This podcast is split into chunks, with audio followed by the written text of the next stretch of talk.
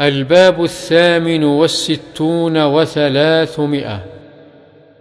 باب التحذير من ارتكاب ما نهى الله عز وجل ورسوله صلى الله عليه وسلم عنه.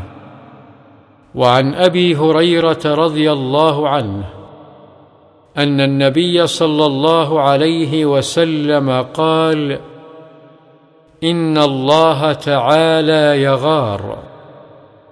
وغيرة الله أن يأتي المرء ما حرم الله عليه. متفق عليه.